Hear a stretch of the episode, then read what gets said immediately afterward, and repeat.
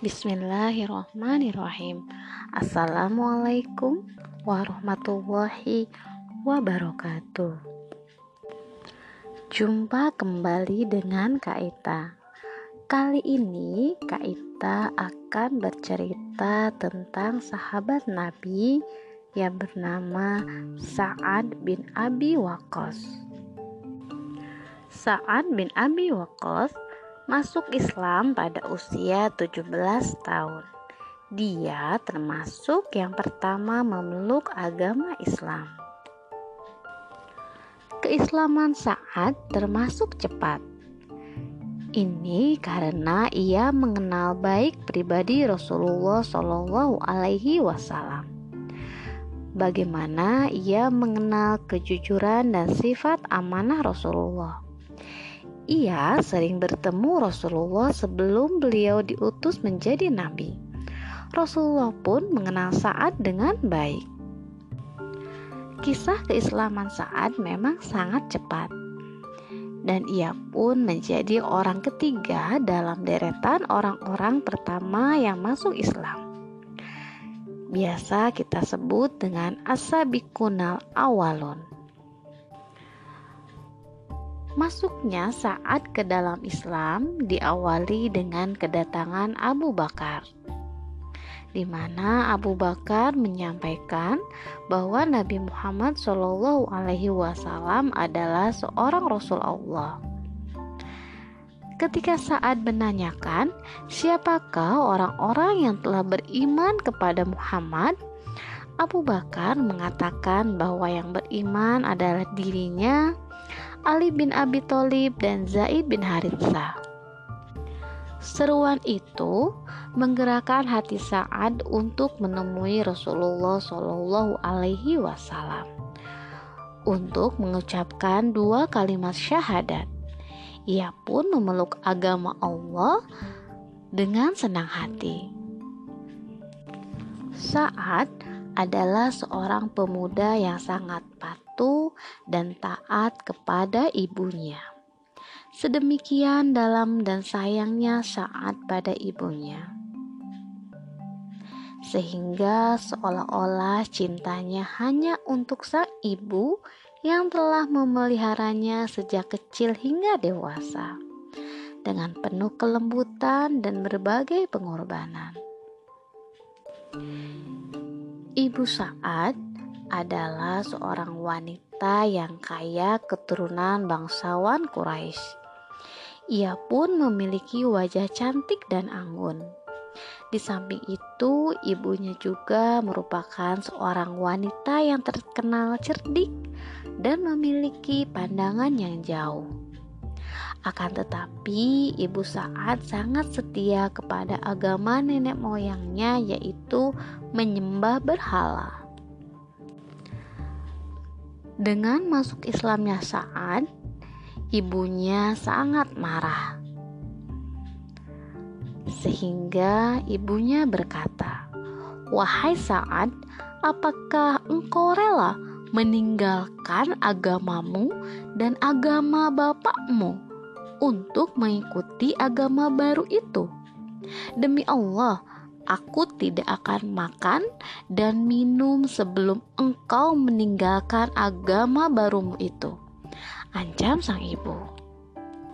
Saat menjawab dengan lemah lembut, "Demi Allah, aku tidak akan meninggalkan agamaku." Sang ibu tetap bersikeras karena ia mengetahui bahwa saat sangat menyayanginya. Ibunya mengira hati Saad akan luluh jika melihatnya dalam keadaan lemah dan sakit. Ia tetap mengancam akan terus melakukan mogok makan.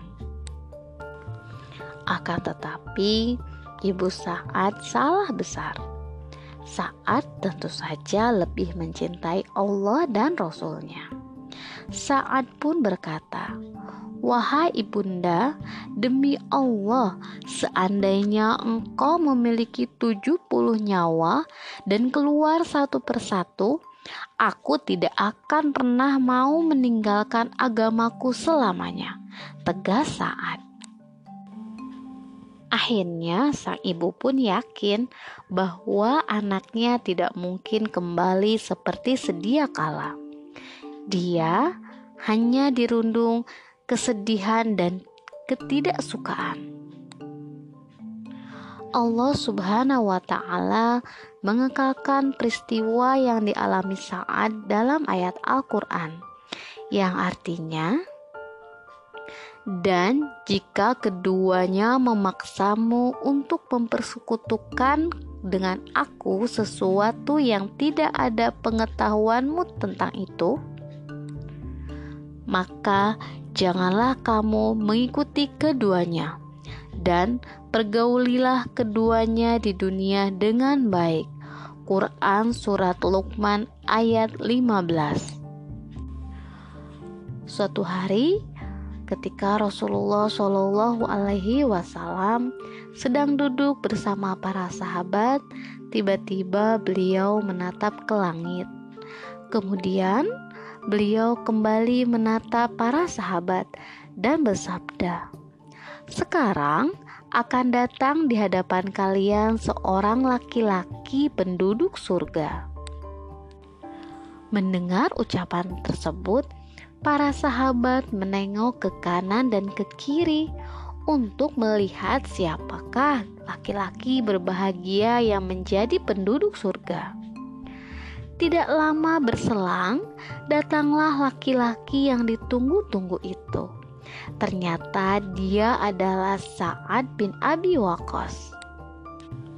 Sa'ad adalah kesatria berkuda dan muslim yang berani ia memiliki dua senjata ampuh, yaitu panah dan doa. Masya Allah, jika ia memanah, pasti akan mengenai sasaran. Jika ia berdoa kepada Allah, pasti doanya dikabulkan. Saatlah orang yang pertama kali menggunakan panah untuk berpelang di jalan Allah dan ia juga yang pertama kali terkena anak panah dari musuh Allah.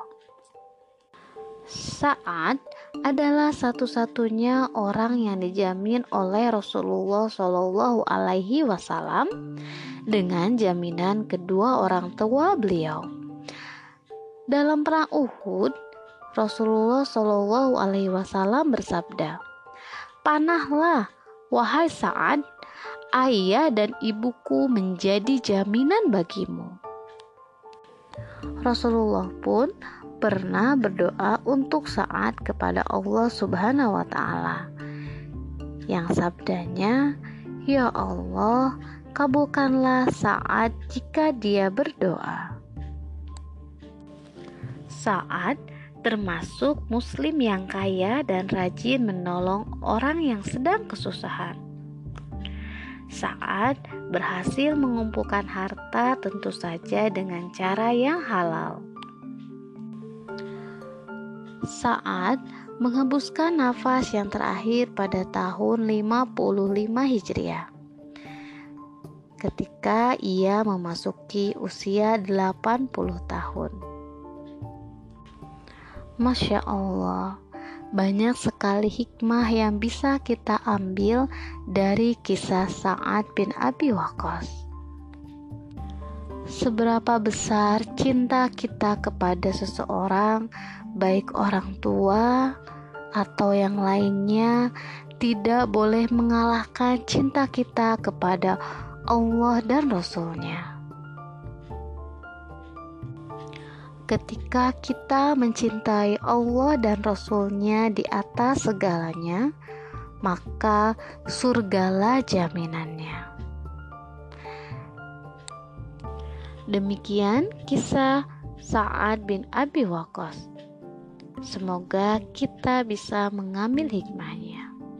Sampai jumpa kembali di cerita anak Islami selanjutnya. Wassalamualaikum warahmatullahi wabarakatuh.